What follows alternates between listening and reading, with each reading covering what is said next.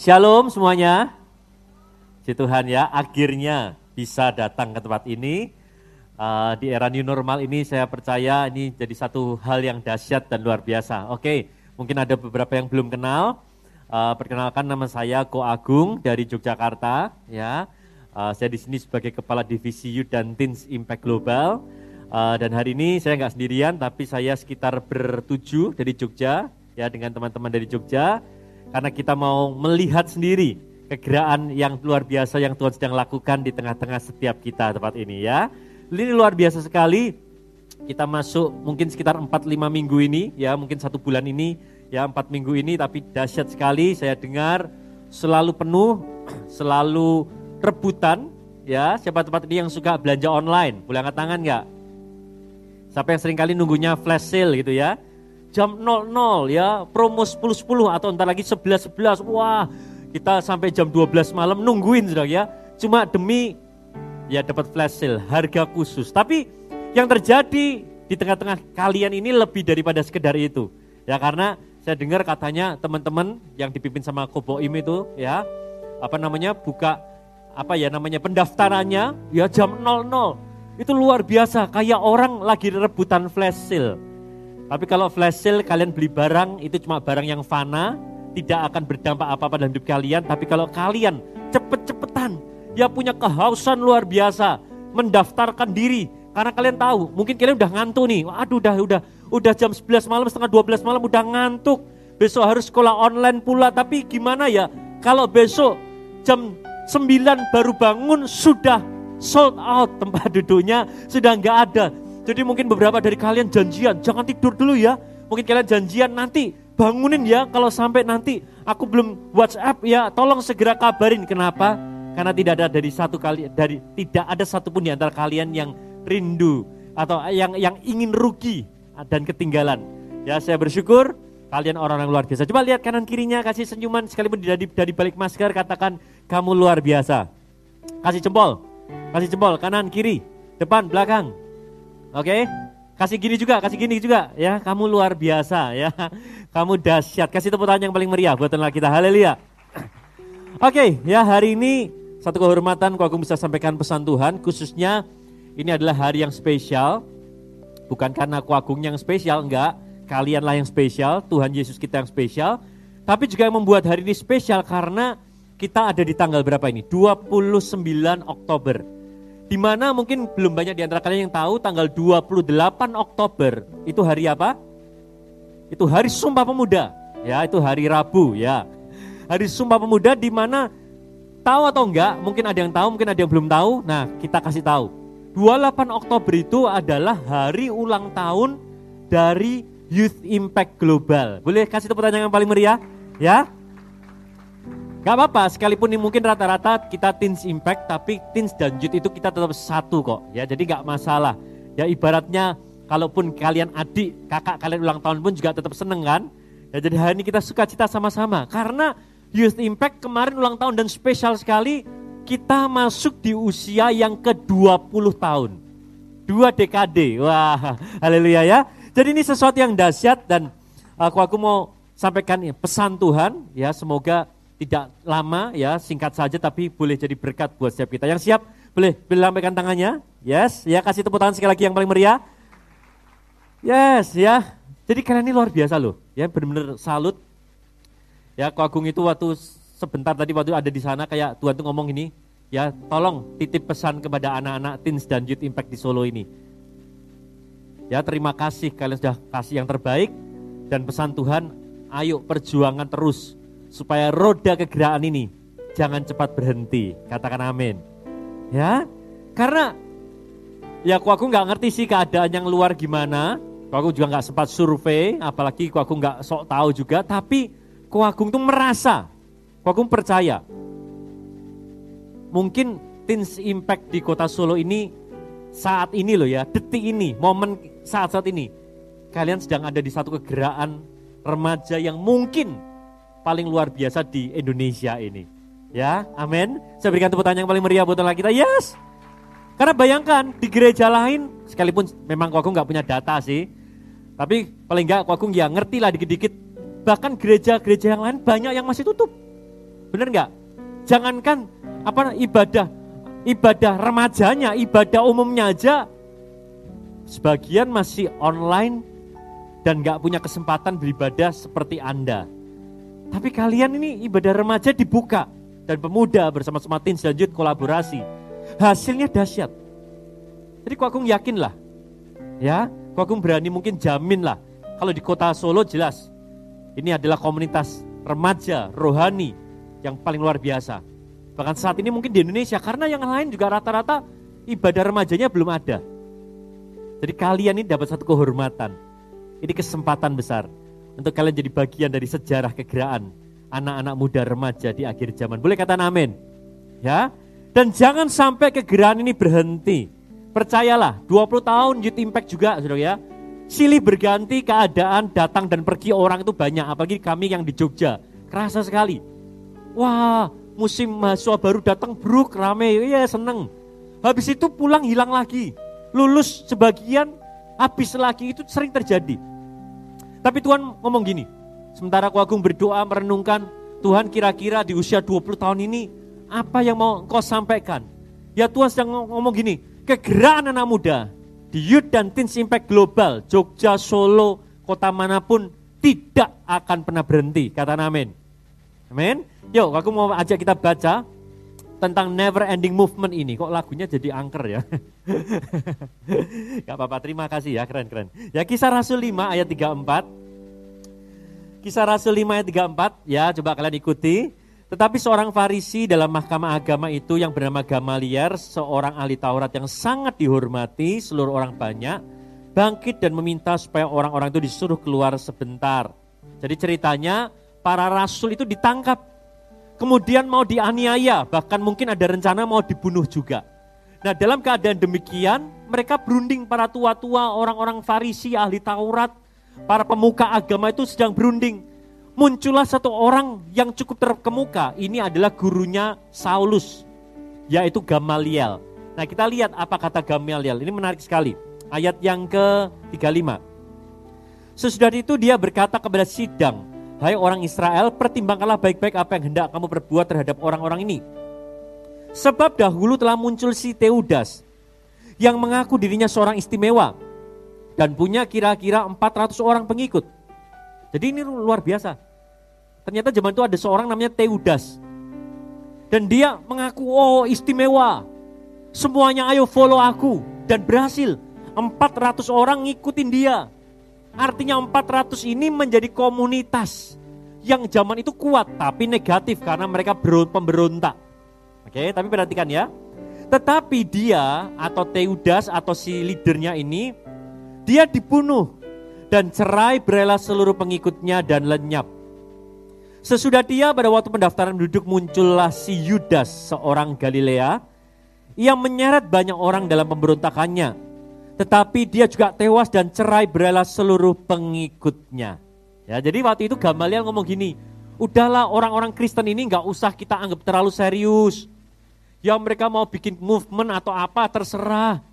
Masih ingat nggak berapa waktu yang lalu ada dua orang namanya Teudas sama Yudas. Sama aja kayak mereka pada awalnya bikin gembar-gembor acara, bikin event, bikin movement, bikin kegeraan, bikin keramaian. Banyak orang berbondong-bondong tapi ingat nggak? Pada akhirnya ketika pemimpinnya ditangkap bahkan dibunuh, nggak lama kemudian cerai berai. Komunitasnya selesai, bubar jalan. Ngerti maksudnya aku Agung? Ya, kita lanjutkan ya. Ayat yang ke-38. Karena itu aku berkata kepadamu, janganlah bertindak terhadap orang-orang ini, adalah biarin aja. Gak usah diambil terlalu serius. Oke? Okay? Biarkanlah mereka sebab, perhatikan, ini ini highlight dari Agung Sebab jika maksud dan perbuatan mereka berasal dari manusia, tentu akan lenyap. Oke? Okay? Perhatikan tetapi kalau berasal dari Allah, kamu tidak akan dapat melenyapkan orang-orang ini. Katakan amin. Jadi Gamaliel ngomong sama orang-orang Israel yang mau mengebunuh para rasul ini adalah kita biarin aja. Kita wait and see, tunggu dan lihat aja. Kalau ya perbuatan mereka ini komunitas mereka ini cuma berasal dari manusia, kegeraan cuma kegeraan manusia, event manusia, tunggu aja, nggak akan lama, paling ntar lagi bubar. paling sekarang wah luar biasa menyala, paling bulan depan jadi suam-suam lagi. Udahlah tunggu aja, biarin. Kalau ini dari manusia nggak akan pernah bertahan. Tetapi, Gamaliel ngomong gini, kalau sungguh-sungguh kegerakan kekristenan ini berasal dari Tuhan, kamu mau ngapa-ngapain mereka pun, kamu tidak bisa melenyapkan mereka. Katakan sama-sama kegerakan. Katakan lebih keras lagi, semangat lagi, katakan movement. Yes. Kalau kegerakan teens dan youth di Solo maupun global ini cuma dari manusia, gak akan bertahan. Ya, wah bisa semangat sekarang, tunggu aja. Kalau dari manusia loh ya, paling dua bulan, tiga bulan, waktu trennya udah lewat, waktu masa puncaknya udah lewat, Wah akhirnya ya sudah akhirnya balik lagi jadi ibadah yang biasa. Akhirnya ya ya dikit lagi. Akhirnya ya terjebak dalam rutinitas lagi. Akhirnya terjebak dalam pelayanan lagi. Akhirnya bosan lagi. Itu kalau dari manusia. Tapi kalau berasal dari Tuhan, tidak bisa lenyap. Kata amin. Tidak bisa lenyap, tidak bisa diganggu oleh apa pun juga. Pemimpin boleh berganti. Koboimnya boleh berganti. Tetapi kalau ini berasal dari Tuhan, kegerakan anak muda ini berasal dari Tuhan, tidak ada pernah yang bisa menghentikannya. Katakan amin. Contohnya lah ya di Jogja. Ya, tadi Agung juga sempat ngomong, silih berganti datang dan pergi. Orang banyak datang bruk, wah seneng, asik ibadahnya. Tiba-tiba pandemi pulang semua. Para maba di eh, mahasiswa di Jogja itu 70% pulang semua. Kampusnya online semua. Ibadah yang tadinya penuh jadi tinggal 25 persenan. Waduh, lemes lagi. Kami di Jogja beberapa kali ngalami yang namanya harus pindah tempat ibadah. Jam ibadahnya digeser. Terjadi ke apa pergantian kepemimpinan. Orang datang dan pergi, come and go dan lain sebagainya. Tapi kalau 20 tahun ini masih kita ini berdiri, artinya nggak lenyap. Ini semua karena Tuhan. Oh, kalau bukan dari Tuhan ya, kalau cuma manusia, siapa sih? Wah, misalnya nih ya, misalnya, wah yang hebat nih karena kuagungnya, ngumpulin orangnya, jeder kuagungnya mati, hilang semua. Tapi yang kami percaya, yang kuagung percaya, yang saya percaya adalah Yudantin Simpek ini bukan berasal dari manusia tapi berasal langsung dari Tuhan. Katakan amin. Dan itu terbukti di zaman gereja mula-mula. Oh, para rasul dianiaya, diapa-apain, tapi bukannya mereka tambah ciut, tambah kecil, tambah mereka mundur. No, mereka makin maju. Jadi saya percaya, Teens Impact Youth Impact Kota Solo ini, ini kegerakan yang dibuat, yang diinisiasi oleh Tuhan sendiri. Ya, jadi apa pun terjadi, ayo terus maju, terus bergerak, terus dipakai Tuhan dengan dahsyat dan luar biasa. Kasih tepuk tangan yang paling meriah buat Allah kita. Amin. Yes. Jadi kita harus berbesar hati. Ini bukan agenda manusia. Ya secara manusia mustahil lah. Ya kan? Di tengah pandemi bisa ngumpulin segini banyak orang. Di tengah banyak kesibukan. Saya mau tanya ya, yang sekolah-sekolah online ini tambah sibuk atau tambah nggak sibuk? Oh tambah sibuk loh. Apalagi yang kuliah. Kalau yang kuliah tuh kerasa Wah kerjanya tambah sibuk, tapi di tengah segala kesibukan dan pandemi pun ada kehausan cari Tuhan kayak begini. Ini bukan dari manusia. Ini datang dari Tuhan. Ya, itu sebabnya Agung percaya apa pun yang terjadi ke depan nanti ya mungkin ada perubahan atau apa kita nggak tahu ke depan tapi kita percaya Tuhan pasti menyertai teens dan youth impact di kota ini. Kasih tepuk tangan yang paling meriah buat kita. Haleluya, amin. Ya jadi kita harus semangat semuanya. Katakan sama-sama semangat. Oke. Okay? Nah supaya kegerakan ini tidak pernah berhenti, kita butuh yang namanya setiap kita, Anda dan saya, itu setiap kita tuh harus menangkap DNA dari Youth dan Teens Impact. Katakan sama-sama DNA. Yes. Waktu para rasul dianiaya, mereka tercerai berai. Mereka nggak hilang, mereka nggak lenyap. Malah di tempat perantauan mereka, mereka bisa makin bersinar, pelayanan mereka makin dahsyat, mereka malah makin luar biasa, berlipat ganda. Kenapa? Karena masing-masing para rasul ini, mereka sudah memiliki DNA kekristenan yang diimpartasikan oleh Tuhan Yesus sendiri. Nah hari ini di hari spesial uh, ulang tahun Youth Impact yang ke-20 ini saya mau bagikan dengan singkat saja karena ini bukan hal yang baru sebenarnya tentang DNA Youth Impact. Ya saya mau ingatkan kalian tentang DNA dari anak-anak muda keluarga Allah. Oke? Okay? Ada beberapa. Yang pertama yaitu fiery. Oke? Okay? Katakan sama-sama fiery. Fiery, kata dasarnya fire, api. Jadi fire ini adalah berapi-api. Yes, kita harus tahu, kalian harus tahu. Inilah DNA anak-anak muda keluarga Allah. Berapi-api, coba semuanya sekali katakan berapi-api. Satu, dua, tiga. Berapi-api. Ya, inilah ciri. Sehingga kalau kalian itu di mana pun ya, orang lihat kalian, uh ini semangat ini. Gak usah tahu gerejanya dan bisa nebak. Ini pasti teman-teman Teens Impact Solo. Ngelihat dari cara kalian nyembah Tuhan, memuji Tuhan, wah nari buat Tuhan, melompat buat Tuhan. Orang Gak usah kalian pakai baju teens atau youth pun mereka akan ngerti ini pasti orang-orangnya El Shaddai. Ini pasti, ini loh, youth impact yang di kota Solo itu loh. Yang ada di battle, yang ada di Paragon ini loh. Amin. Dari apimu kita harus dikenal. Haleluya. Itu itu harus jadi rasa, cita rasa. Kalian yang promosi dikit gak apa-apa lah. Siapa tahu kalau mau dibayar juga puji Tuhan ya kayak KFC, KFC itu ya kalau kalian makan kalian ngerti nggak? Oh ini ini ini KFC nih. Rasa nggak? Entah ya gimana ya itu itu Colonel Sanders tuh hebat ya bikin ramuan gitu kok bisa formulanya tuh khas gitu dan rasanya tuh khas. Kalian ngerti? Kalian mau di kota besar, mau di kota kecil, kalau beli KFC ya rasanya ya kayak gitu. Nah ini cita rasanya tuh khas banget. Nah saya berdoa, Youth dan Teen Impact ini juga punya cita rasa yang khas. Yang orang kalau ngeliat gitu loh, ini pasti mereka, tidak ada yang lain. Katakan amin. Yaitu apa berapi-api. Coba kalian lihat di gereja kita, coba kalian lihat gembala kita usia berapa Pak Obaja, ada yang tahu? 60 berapa? 67, 68, 66, ya.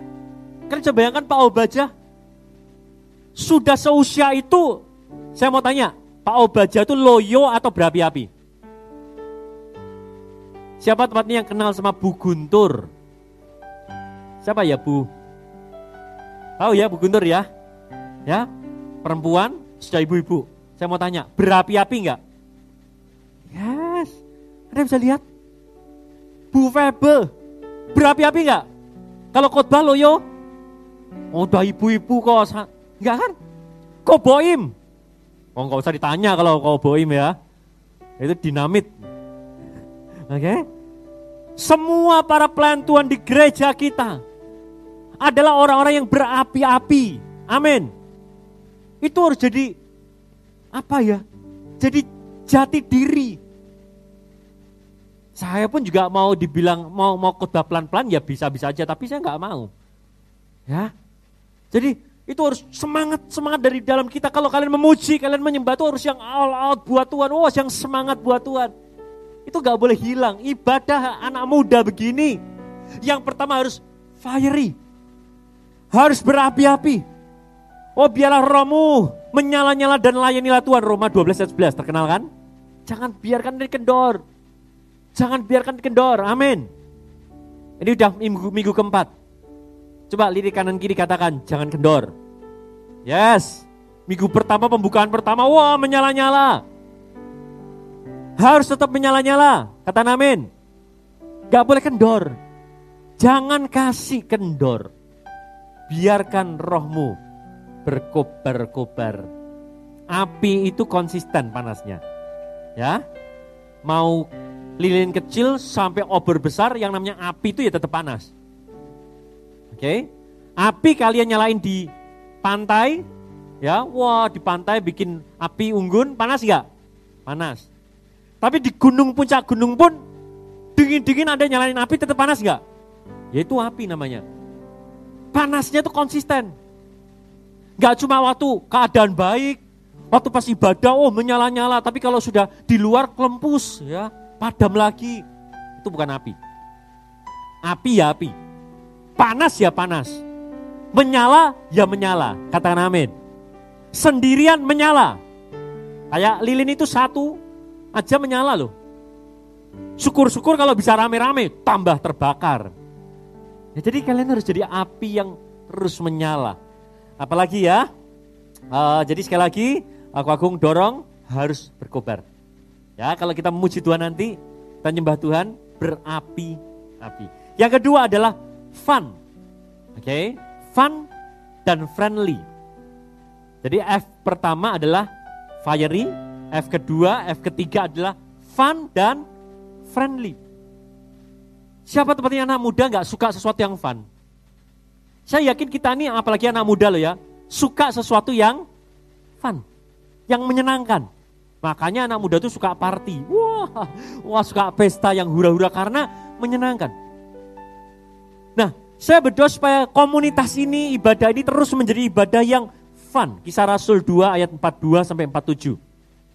Kalian nanti baca saja, ya intinya mereka bertekun, mereka selalu berkumpul bersama memecahkan roti, ya mereka bersatu, segala kepunyaan mereka adalah kepunyaan bersama, artinya saling sharing.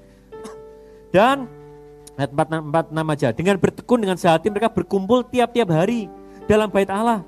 Mereka memecahkan roti di rumah masing-masing secara bergilir dan makan dengan gembira, dengan tulus hati sambil muji Allah dan mereka disukai.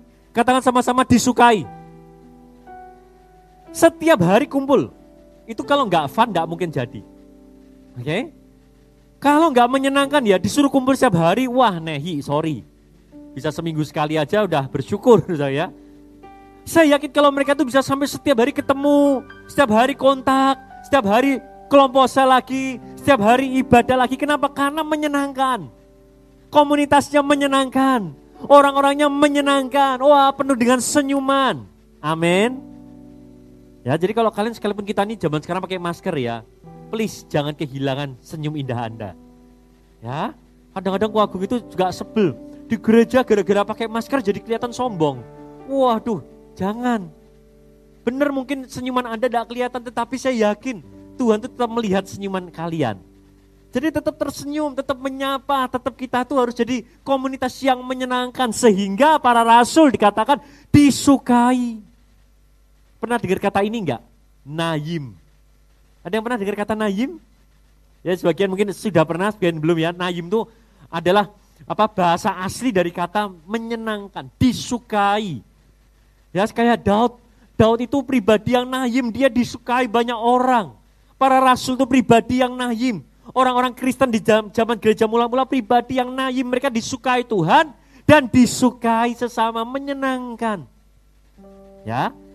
Jadi ayo kita ciptakan atmosfer ibadah yang menyenangkan. Yang asik, yang bersahabat. Boleh katakan amin. Ya, jangan kita Ya jaga jarak harus, protokol harus, semuanya harus kita pastikan. Tapi dari hati ini kita sukacita. Ketemu dengan keluarga rohani itu sukacita. Ya, enam bulan kita nggak ketemu, bayangkan betapa sepinya.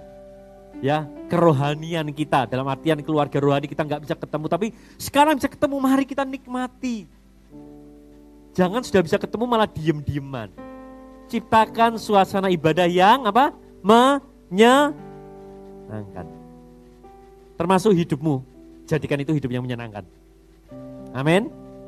Yes, life just once. Itu kalau orang teman-teman Jogja itu punya jargon gitu juga. Ya, life just once, so make it beautiful, meaningful and powerful. Hidupmu ini cuma sekali, jadi buatlah hidupmu ini jadi sesuatu yang menyenangkan, yang indah, yang luar biasa. Hidup jangan cuma sekali, jangan terus dibikin gak enak. Sesuatu yang menyenangkan tuh nggak harus mahal. Yang setuju kata amin. Yes. Kok gimana kita bisa bikin event menyenangkan? Dana kita terbatas. Lo enggak apa-apa. Dana itu bukan berarti membuat kalian bisa jadi hidup kalian seneng kok. Banyak orang kaya punya banyak uang, hidupnya nggak seneng. Oke? Okay? Semua tuh bisa dibikin happy. Amin. Asal kalian niat, semua bisa dibuat happy. Di tengah keluarga, Menyenangkan itu gak harus mahal. Gak harus kita punya ini itu, itu dulu, yang mahal, yang mewah, enggak juga. Gak harus kita tuh makan malam menyenangkan tuh artinya kita makan di hotel bintang lima, enggak. Makan sederhana Tapi dibuat suasana menyenangkan bisa kok. Ya jadi ayo kita ciptakan suasana ibadah dan komunitas yang menyenangkan. Yang terakhir, yaitu ya F yang ke terakhir ya. Ini ini ini yang Tuhan kasih rema buat buat Agung ya tentang uh, ulang tahun yang kali ini yaitu fruitful, ya fruitful. Berbuah. Katakan sama-sama berbuah. Bukan cuma berapi-api, bukan cuma menyenangkan, bukan cuma asik-asikan, bukan cuma kompak, tapi juga berbuah. Kayak khotbah kemarin minggu, kalau kalian dengarkan. Tuhan itu mencari buah. Hidup kita ini harus berbuah, karena memang itu kehendak Tuhan. Kadang kita hebat di gereja, wah menyala di gereja. Luar biasa gereja asik, fun. Tapi di luar nggak ada prestasi, nilai jeblok, yang kuliah nggak kelar-kelar, skripsi nggak selesai-selesai, hidup jadi batu sandungan. No, no, no, no, mulai hari ini, mulai tahun ini, Youth dan Teen Impact harus berbuah lebih lebat. Katakan amin. Amin. Matius 12 ayat 33. Oke. Okay. Sebab dari buahnya pohon itu dikenal. Dari buahnya. Saya berdoa Youth dan Teen Impact Solo dikenal dari buahnya. Amin bukan sekedar dari fasilitasnya. Kita bersyukur buat semua fasilitas, amin. Tapi jangan cuma dikenal dari fasilitasnya itu loh. Youth sama Tin Solo itu loh, itu loh yang di mall itu loh. Oh, oh yang yang apa namanya gedungnya bagus, yang katanya LED-nya panjang, luar biasa, ya itu puji Tuhan. Tapi mari kita berdoa dan kita bekerja lebih giat lagi. Mari kita dikenal bukan karena sekedar atribut luar kita tapi kita harus dikenal karena buah-buah kita itu loh anak-anak Youth Impact, Teens Impact Solo itu, itu loh yang selalu ranking itu loh.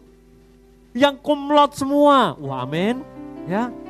Itu loh mereka yang kalau kerja, wah sukses-sukses semua. Itu loh mereka kalau yang pacaran tuh selalu pacarannya yang lurus, yang gak aneh-aneh. Itu loh mereka yang selalu berprestasi, amin. Yes. Dari buahnya kita dikenal oleh banyak orang. Lukas 13 ayat 6 sampai 9. Intinya gini, satu kali Yesus punya perumpamaan, ada pohon ara yang tumbuh, lalu tuannya ini mencari buah pada pohon itu tapi nggak menemukan. Lalu dia ngomong sama tukang kebunnya, sudah tiga tahun aku mencari buah, tapi nggak menemukan. Udahlah tebang aja, percuma. Orang kalau hidupnya nggak berbuah, ternyata nggak menyenangkan Tuhan. Tebang aja, Buat apa? Hidup dengan percuma. Wih serem ya. Kejem juga ya Tuhan Yesus ngasih perumpamaan. Artinya Tuhan Yesus ini sangat serius dengan hidup yang berbuah. Kemudian tukang kebunnya ngomong gini, Tuhan sabarlah dulu. Tunggu dulu. Biarkan dia kasih kesempatan setahun ini lagi. Aku akan mencangkulnya. Aku akan mengusahakannya. Aku akan ngasih pupuk. Mungkin tahun depan dia berbuah, kalau enggak ya sudah, mau gimana lagi tebanglah. Oke. Okay? Yang pertama, Tuhan sangat menghargai yang namanya buah. Jangan sampai kita ditemukan hidup kita tidak berbuah. Haleluya, amin. Ayo berbuah. Sudah lama ikut teens, ikut youth, setahun, dua tahun harus ada buahnya. Karakternya berbuah, buah-buah roh. Kasih sukacita, jangan Jangan sampai kita datang teens jadi pemarah, sudah pelayan di teens tetap pemarah. Karena saya tahu, saya pernah jadi remaja. Remaja itu saya tahu kalian yang masa-masa remaja itu tidak mudah. Emosi bisa bergejolak, kadang mood bisa up and down kayak roller coaster, ya kan? Ya rasanya bawaannya pengen marah terus, baper terus, itu sering loh. Akibatnya kadang-kadang kalau nggak hati-hati remaja itu jadi fase yang paling nyebelin buat orang tua. Saya pernah lihat waktu masih kecil tuh wah manis-manis, ya ampun, baik-baik. Eh tapi begitu dia mulai beranjak ke kelas 6, apalagi puncaknya SMP itu. Tiba-tiba dia jadi orang yang seringnya marah-marah sendiri, sukanya di kamar, apa jeblesin pintu, ya pokoknya kayak begitu terus. Nah saya berdoa kalian kalau ada di teens dan youth, karakter kalian harus bertumbuh dan berbuah. Katakan amin. Harus be different, harus berbeda. Harus ada perubahan lebih baik lagi. Tuhan itu mencari buah. Lalu apa? Tuhan ngomong gini juga. Teens dan youth. Sekalipun kalian, kita ini berjuang ya, sampai hari ini kita ini terus berjuang. Ya, kalian kan mungkin pernah mengalami fase di mana teens, mungkin apa ibadahnya pernah begini begitu, yang datang cuma sedikit, youth juga sama. Tapi kayak Tuhan tuh ngomong gini loh, kalau 20 tahun, youth dan teens ini secara global ya, tidak ditebang Tuhan, itu artinya youth dan teens itu selama ini loh ya, kita tuh berbuah. Amin. Loh iya, kalau kita 20 tahun tidak ngapa-ngapain ya, pasti udah ditebang Tuhan kok. Pasti kita nggak akan eksis kok udahan. Apalagi di Jogja kita begitu ngerasain. Kita pernah ngalami gempa, kita pernah ngalami apa namanya erupsi Merapi.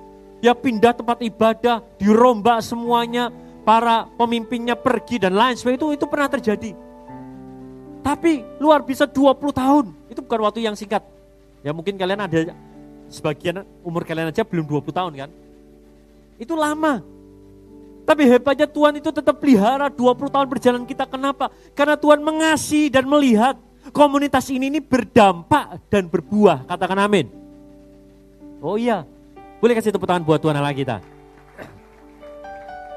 Kalau gak berdampak, sudah dicampain Tuhan dari dulu. Bahkan saya bisa ngerasain di jadi Tuhan.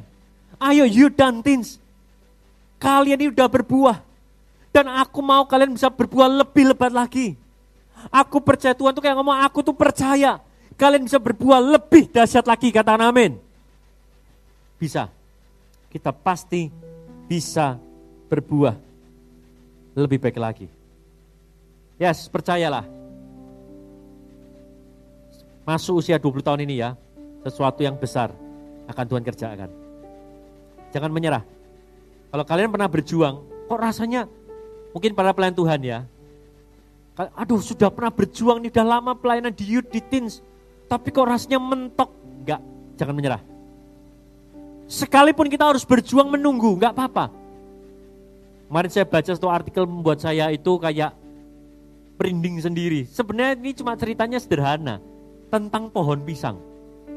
Ada seorang pasangan dari Inggris satu kali mampir ke Asia Tenggara ke Filipina di sana banyak buah pisang makan pisang ya enggak saya nggak tahu mungkin di Inggris jarang ya ada pisang mungkin ya jadi senang sekali wah ini jarang nih di sana di Eropa buah kayak begini kalau di Asia Tenggara sama Amerika Selatan banyak akhirnya mereka suka gimana caranya mereka membawa tunas pohon pisang ditanam ke Inggris apa yang jadi nggak bertumbuh bertumbuh sorry tapi tidak berbuah. Waduh, mereka kecewa tapi mereka gak menyerah. Tetap dipelihara, tetap dipelihara, tetap dipelihara, tetap dipelihara. Terus punya pengharapan, setahun gak tumbuh, dua tahun gak tumbuh, tiga tahun gak tumbuh, lima tahun gak tumbuh. Orang berkata, udahlah, dicabut aja itu tanaman apa sih? Tapi terus mereka ini setia, sampai 10 tahun, belum ada buahnya. 11 tahun, belum ada buahnya. Tahu nggak sampai berapa tahun? Saya baca artikel ini bisa pas. 20 tahun. 20 tahun loh, bayangin. Dari usia mereka 40, sekarang mereka usia 60 dan satu hari mereka kaget. Hah, buah pisang. Pohon pisang yang kita bawa itu akhirnya setelah 20 tahun berbuah. Saya kayak waktu baca artikel ini, ini artikel biasa sih, tapi buat saya berarti sekali karena kebetulan kita ini 20 tahun. Yud, dan Tuhan ngomong gak ada pertumbuhan yang tidak ada artinya. Semua pertumbuhan itu pasti tidak sia-sia. Selama 20 tahun itu pohon pisang itu bukan berarti gak bertumbuh loh. Mungkin iklimnya gak, gak cocok, mungkin suasananya gak cocok, tapi dia tetap berjuang untuk hidup. Dia tetap berjuang. Dia, saya yakin mereka tetap, pohon pisang ini tetap ber, berkembang sekalipun gak kelihatan. Dan pada waktunya, akhirnya buah pisang ini pohon pisang ini berbuah begitu lebat sampai saya baca artikelnya itu ketawa. Mungkin orang Inggris itu ya mungkin lo ya jarang makan pisang atau gimana. Itu sampai biasanya mereka pesta barbeque diganti jadi pesta pisang. Wah diundang tetangganya makan pisang yang belum pernah ini buah dari apa Asia Tenggara gitu ya. Luar biasa. Hari ini saya mau encourage kalian. Kalau kalian ngerasa kayak perjuangan kalian kok rasanya masih mentok ya. Kok rasanya nggak ada buahnya ya. Jangan percaya. Pasti ada buahnya. Amin. pasti hidup kalian itu bisa berbuah. Kata amin. Orang Tuhan, Yesus sendiri kok yang ngomong, aku menetapkan kamu untuk pergi dan menghasilkan buah. Kenapa Yesus ngomong begitu? Pergi dan hasilkan buah. Sederhana, karena Yesus tahu dalam dirimu ada benih untuk berbuah. Kata amin. Jangan anggap dirimu, aku bukan siapa-siapa. Aku nggak bisa berbuah kayak dia. No. Yesus ngomong, pergi, hasilkan buah. Kenapa? Yesus ngomong gitu. Karena Yesus tahu dalam diri kita ada benih untuk kita bisa berbuah. Asal kita mengusahakannya dengan segenap hati kita. Kasih tepuk tangan yang paling meriah buat kita. Amin. Itu sebabnya di bagian akhir saya mau ajak kita ayo bersatu. Bersatu. Youth Impact lahir di tanggal 28 Oktober Sumpah Pemuda. Inti dari Sumpah Pemuda adalah kesatuan. Tuhan ingat, ingatkan saya kisah tentang Menara Babel, kejadian 11 ayat 6. Mereka ini satu bangsa dengan satu bahasa untuk semuanya. Ini barulah permulaan usaha mereka. Mulai dari sekarang apa pun juga yang mereka rencanakan tidak ada yang tidak akan dapat terlaksana. Katakan amin. Selama ada kesatuan, Selama yang kita lakukan ini buat mempermuliakan nama Tuhan. Tidak ada yang tidak bisa kita lakukan. Haleluya. Jadi saya ajak teman-teman teens dan youth di Solo khususnya dan global secara umum. Karena saya juga nanti akan minta supaya rekaman ini juga didengarkan oleh teman-teman youth secara global. Ini baru awal. Ini baru permulaan. Kegerakan ini kehebohan ini. Ibadah ini baru awal. Kata amin. Yes. Ke depan nanti lebih dahsyat. Ini sudah hebat. Ke depan nanti akan jauh lebih hebat. Kalau kita bisa komitmen berjuang sama-sama. Saya minta main musik uh, maju ke depan, singer semuanya. Kita akan selesaikan. Jadi di akhir firman Tuhan ini, sudah sekalian saya ajak. Ayo, komitmen komitmen untuk kita bangkit. Kayak tadi lagu ini, kuberikan hatiku dan jiwaku semuanya bagimu. Itu lagu yang luar biasa. Tapi saya ajak kita nyanyi lagu ini bukan sekedar asal nyanyi. Kali ini mari kita nyanyi dari hati. Oke? Okay? Tuhan, kuberikan hatiku. Aku berikan jiwaku. Semuanya segenap bagimu. Saya tutup dengan satu ayat ini atau satu kisah ini. Kisah Rasul 23 ayat 12. Satu kali Paulus itu mau dibunuh sama sekelompokan orang. Ya, saya bacakan. Setelah hari siang orang-orang Yahudi mengadakan komplotan dan bersumpah dengan mengutuk diri bahwa mereka tidak akan makan atau minum sebelum mereka membunuh Paulus. Jumlah mereka yang mengadakan komplotan itu lebih daripada 40 orang. Mereka pergi kepada imam, kepala dan tua bangsa Yahudi dan kata kami telah bersumpah dengan mengutuk diri kami tidak akan makan atau minum sebelum kami membunuh Paulus. Apa maksud saya bagikan kisah ini di bagian ending? Zaman itu ada orang yang gak suka sama Paulus. 40 orang-orang Yahudi, saya yakin rata-rata mereka adalah pemuda atau anak muda. Mereka ngomong gini, ayo kita bunuh si Paulus itu. Bahkan mereka ngomong gini, aku bersumpah. Sumpahnya aja pakai yang mengutuk diri. Mati aku.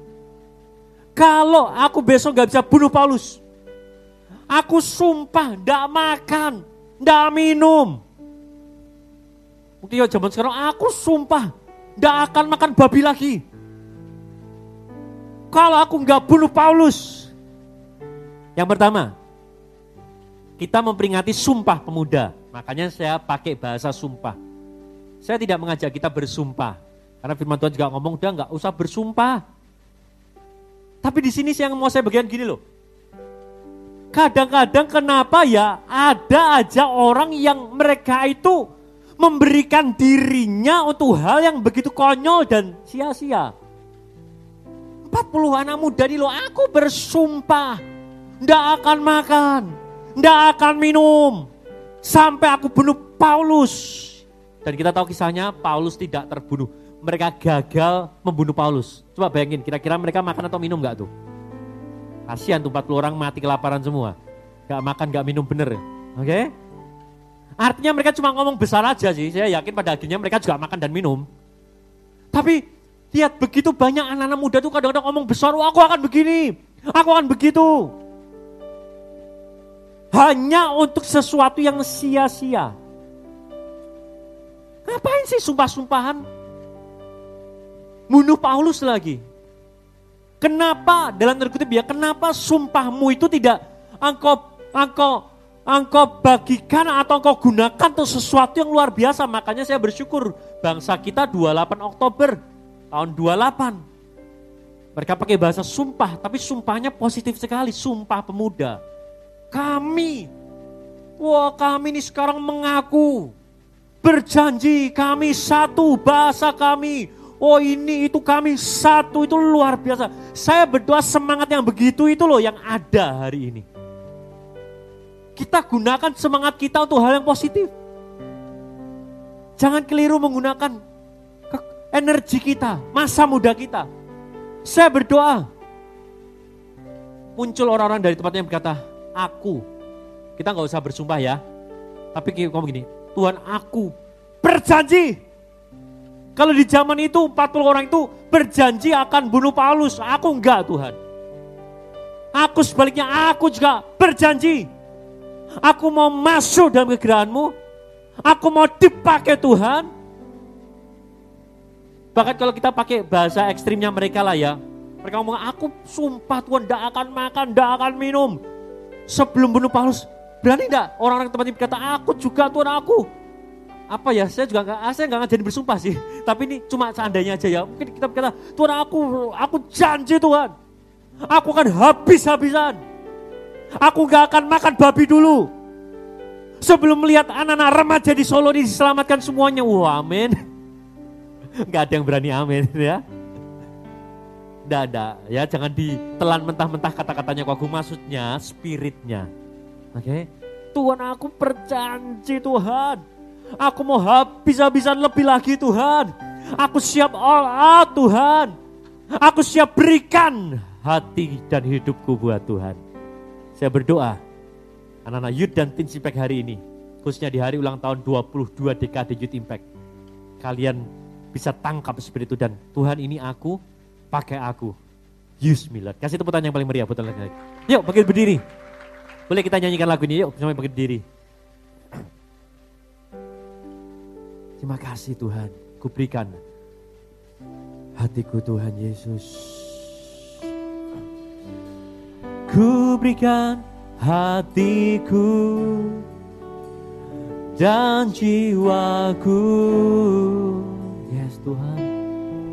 Semuanya bagimu di dalam Terima kasih Tuhan.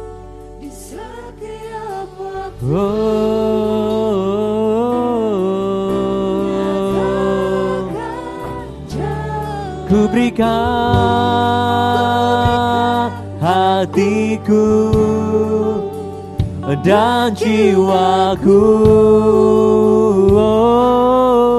Semuanya bagimu di dalam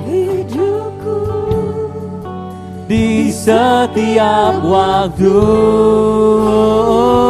Mari semuanya yang mau kita angkat tangan kita di hadapan Tuhan dan katakan sekali lagi. Aku berikan hatiku dan jiwaku semuanya bagimu di dalam hidupku. Di setiap waktu. Nyatakan jalanmu. Tuhan yang bisa dengarkan firmanmu Tuhan ini saatnya untuk kami menanggapi apa yang jadi rencana kehendak dan panggilanmu Tuhan. Kami bersyukur kami ditempatkan di komunitas remaja dan pemuda yang luar biasa Tuhan. Kami bersyukur di banyak penjuri dunia ini Tuhan. Mungkin bahkan ibadah remaja, ibadah youth pun banyak belum dibuka. Sebagian besar mungkin masih ditutup. Sebagian besar bahkan mungkin tidak tidak bisa diadakan kembali Tuhan. Tapi kami bersyukur Tuhan, Tuhan yang mengadakan kami ini sehingga kami bisa ibadah kembali di tempat ini Tuhan. Kami bersyukur untuk gembala kami, kami bersyukur untuk semua para leaders kami Tuhan. Sehingga kami ada di tempat ini Tuhan. Kami tahu ini dari Tuhan.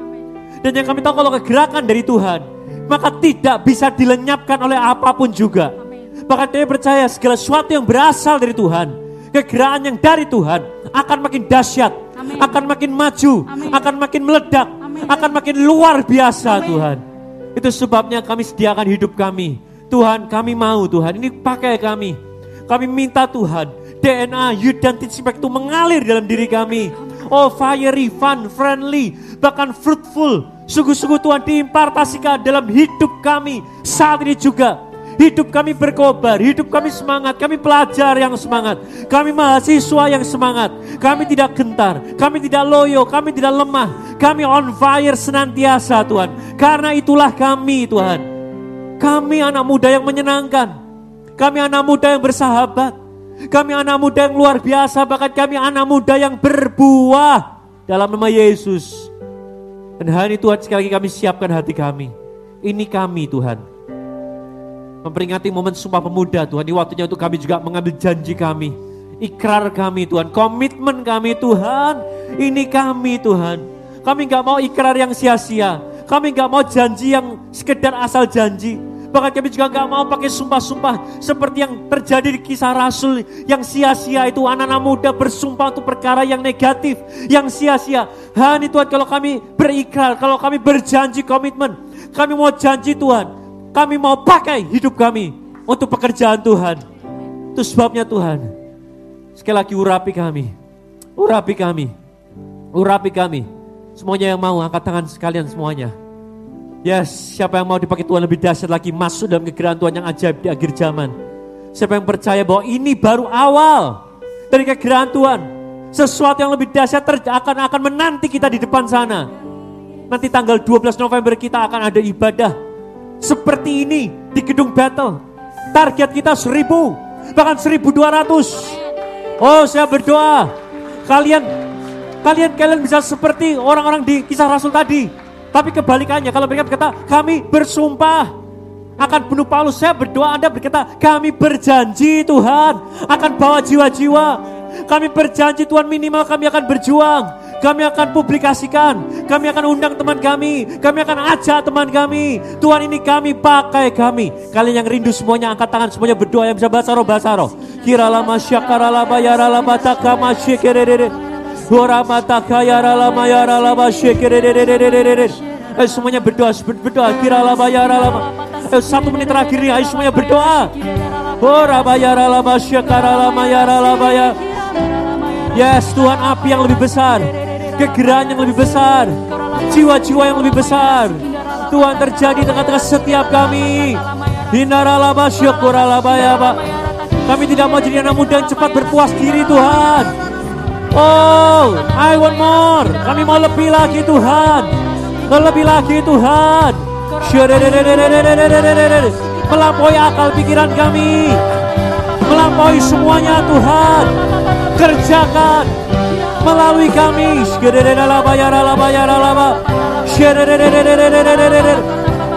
Orang masyarakat. Oh pakai tis dan beauty di usia 20 tahun ini lebih berbuah, lebih produktif. Anak-anak muda lebih terbakar, lebih luar biasa. Oh rabayara laba syandara laba. Yara lama syandara laba bapa bapa bapa syandara laba. Tuhan jamah siap kami. Oh bangkitkan siap kami Tuhan. Kobarkan hati kami, roh kami. Dari yang paling depan sampai yang paling belakang. Dari yang ujung kiri sampai ujung kanan. Dari yang paling dikenal sampai yang paling tidak terkenal. Justru yang paling lemah akan jadi bangsa yang kuat yang paling kecil akan jadi bangsa yang besar. Ayo semuanya doa, doa, doa, doa, doa. Oh Tuhan, kami lepaskan blessing, anugerah, berkat keselamatan bagi sekolah kami, bagi kampus kami, bagi keluarga kami Tuhan.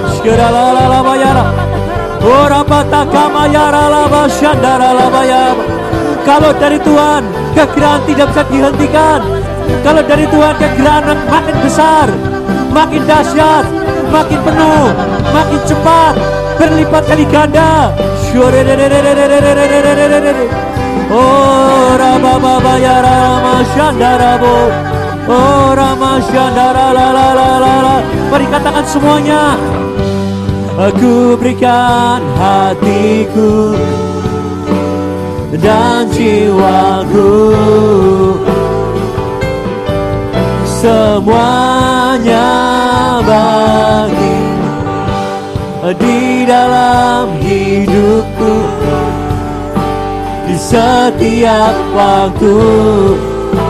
Mari sekali lagi yang terakhir. Nyatakan ku berikan. Aku berikan hatiku Dan jiwaku. Semuanya bagimu. Hidupku di setiap waktu. Nyatakan jalanmu. Nyatakan. Oh Nyatakan jalanmu. Berikan tepuk tangan yang paling meriah. Sorakan haleluya dan setiap kita yang siap dipakai Tuhan sama-sama katakan Amin. Oke, okay, God bless you.